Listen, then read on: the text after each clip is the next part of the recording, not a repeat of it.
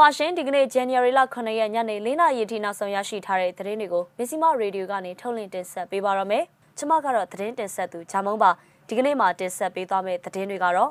မတူပီမြို့နယ်မှာစစ်တပ်ကပြည်သူတွေကိုဖမ်းဆီးပြီးလူသားတိုင်းဖြစ်အသုံးပြုနေတယ်လို့ထုတ်ပြန်တဲ့အကြောင်းစစ်ကောင်စီတပ်သား3ဦး KNUC လက်နက်ချအလင်းဝင်လာတဲ့ဖြစ်စဉ်တနင်္သာရီတကူကျေးရွာမှာစစ်ကောင်စီက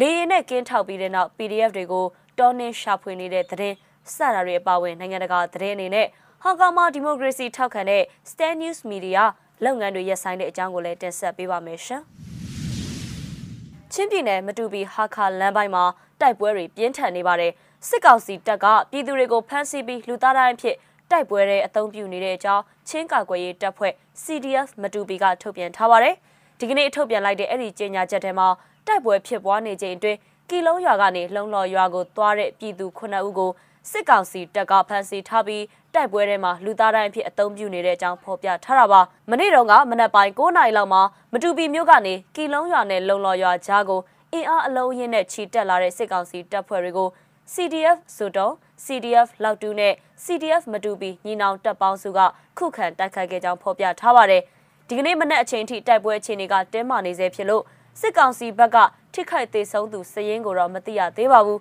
ချင်းကောက်ွယ်ရေးညီနောင်တပ်ပေါင်းစုဘက်ကတော့အထိခိုက်အကြဆုံးမရှိကြောင်းသိရပါတယ်။တိုက်ပွဲဖြစ်ပွားတဲ့ရွာတွေကပြည်သူတွေကလည်းစစ်ဘေးလွတ်ရာစီကိုရှောင်တိန်နေရတယ်လို့ဒေသခံတွေစီကနေသိရပါတယ်ရှင်။စစ်ကောင်စီတပ်သား3ဦးကရင်မျိုးသားလွတ်မြောက်ရေးတပ်မတော် KNLA တပ်မဟာ9စီကိုလက်နက်ချအလင်းဝင်လာခဲ့ပါတယ်။စစ်ကောင်စီချင်းမြန်တပ်ရင်း439ကတပ်သားတွေလို့သိရှိရပါတယ်။သူတို့၃ယောက်က KNU လက်အောက်ခံဂဲကော်တပ်ရင်းစီထွက်ပြေးလွတ်မြောက်လာပြီး မနေ့ကလက်နက်အပြည့်အစုံနဲ့အလင်းဝင်ရောက်လာတဲ့အကြောင်းမူတော်သတင်းစင်မှာဖော်ပြထားပါတယ်။အဲ့ဒီတပ်သား3ဦးကတော့အသက်20ဝန်းကျင်တွေဖြစ်ကြပြီးတပ်သားအောင်မြင့်ခိုင်တပ်သားစိန်မင်းတန်းနဲ့တပ်သားတန်းထွေးတို့ပဲဖြစ်ကြပါတယ်။သူတို့နဲ့အတူ MA1 နှစ်လက် MA2 တစ်လက်လက်ပစ်ပုံးနှလုံးကြီးကပ်12ခုနဲ့ကြီးစံ434တောင်းတို့ယူဆောင်လာခဲ့ပါတယ်။ရှေ့တန်းစခန်းမှာအရာရှိတွေရဲ့နိုင်လိုမင်းထက်အုပ်ချုပ်မှုအကြမ်းဖက်ရိုက်နှက်စေခိုင်းမှုနဲ့ ရှေ့တန်းမှာအစာရေးစာပြက်လက်မှုတွေကြောင့်စခန်းစွန့်ခွာထွက်ပြေးခဲ့တယ်လို့သိရပါတယ်။တက်မဟာ9အနေနဲ့လည်းအလင်းဝင်လာသူတွေကိုကြိုးဆိုလက်ခံပေးနေပြီး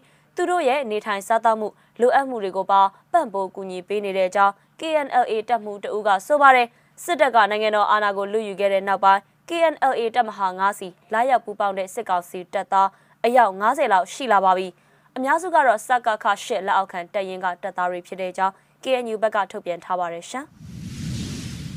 တနင်္သာရီတကူကျေးရွာနားမှာရှိတဲ့ကိုးမိုင်တောင်ကိုစစ်ကောင်စီကလေရင်နဲ့ကင်းထောက်ပြီးတဲ့နောက်မှာဒေသခံပြည်သူ့ကာကွယ်ရေးတပ်ဖွဲ့ PDF တွေကိုအသေးအတန်တော်နေရှာဖွေနေတယ်လို့ဒေသခံတွေကတန်လွင် Times သတင်းဌာနကိုပြောပါရယ် January လ9ရက်နေ့ကကိုးမိုင်တောင်ကိုစစ်ကောင်စီကလေရင်နဲ့လာရောက်ကင်းထောက်ပြီးတဲ့နောက်ဒီကနေ့ကစပြီးစစ်ကောင်စီတပ်ဖွဲ့ဝင်အင်အား100ကျော်လောက်ကစစ်ကြောင်း၃ခုခွဲပြီး PDF တွေကိုတော်နေရှာဖွေနေတာပါဒီလိုတော်နေရှာဖွေနေလို့ တကူကျေးရွာမှာရှိတဲ့ရက်ကွက်တချို့ကဒေသခံတွေက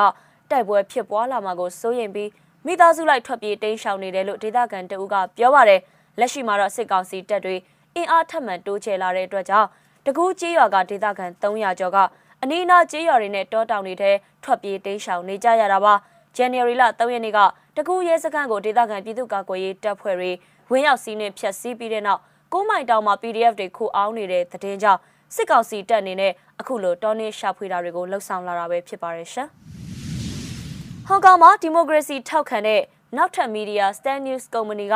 လုပ်ငန်းတွေကိုရပ်ဆိုင်းလိုက်ပါတယ်။တက်တန်9နှစ်ရှိပြီဖြစ်တဲ့အဲ့ဒီ online media ကလုပ်ငန်းတွေပိတ်သိမ်းတဲ့အကြောင်းကြေညာခဲ့တဲ့အပြင်အရင်တုန်းကဖော်ပြခဲ့မှုတဲ့အကြောင်းအရာတွေအားလုံးကိုလည်းဖယ်ရှားရှင်းလင်းနေပါတယ်။ရဲတပ်ဖွဲ့ကသတင်းရုံးခန်းကိုဒီဇင်ဘာလ29ရက်နေ့မှာဝင်ရောက်စီးနင်းပြီးလူ9ယောက်ကိုဖမ်းဆီးခဲ့တာပါ။ အဲ့ဒီနောက်နိုင်ပိုင်းအကြာမှာအခုလိုပိတ်သိမ်းလိုက်တာပဲဖြစ်ပါတယ်။အဲ့ဒီကုမ္ပဏီရဲ့ဟောင်ကောင်ဒေါ်လာ62တန်တန်ဖိုးရှိတဲ့ပိုင်ဆိုင်မှုတွေကိုအာဏာပိုင်တွေကသိမ်းဆည်းသွားတဲ့အကြောင်း Hong Kong Free Press ကဖော်ပြခဲ့ပါတယ်။ဝင်ရောက်စီးနင်းခဲ့တဲ့နေ့အစောပိုင်းမှာ Stan News ရုံးတွေကိုအမျိုးသားလုံခြုံရေးရဲအရာရှိ200ကျော်ဖြန့်ကျက်ချထားခဲ့ကြောင်းသိရပါတယ်။ကုမ္ပဏီဝန်ထမ်း9ဦးလောက်ကစူပူအောင်ကြမှုဖြစ်စေတဲ့စာပေတွေကိုထုတ်ဝေဖို့ပူးပေါင်းကြံစီတဲ့အတွက် ကိုလိုနီခေတ်ရာဇဝတ်မှုဆိုင်ရာဥပဒေကိုဖောက်ဖျက်တယ်လို့ဆွဆွဲပြီးဖမ်းဆီးခံလိုက်ရတာပဲဖြစ်ပါတယ်။ရဲမျိုးသားလုံခြုံရေးဌာနအကြီးအကဲပြောတာက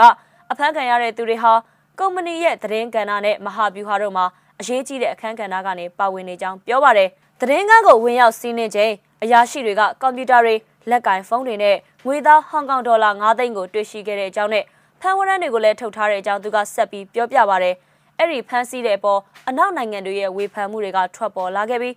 သတင်းစာပညာကစူပူလှုံ့ဆော်မှုမဟုတ်ဘူးလို့အမေရိကန်နိုင်ငံသားရေးဝန်ကြီးအန်တိုနီဘလင်ကန်ကလည်းပြောကြားလိုက်ပါတယ်ရှင်။မီစီမာရေဒီယိုရဲ့ညနေ၄နာရီအထိနောက်ဆုံးရသတင်းတွေကိုတင်ဆက်ပေးခဲ့တာပါ။စောင့်မျှော်နာဆင်ပေးခဲ့ကြတဲ့အတွက်ကျေးဇူးတင်ပါတယ်ရှင်။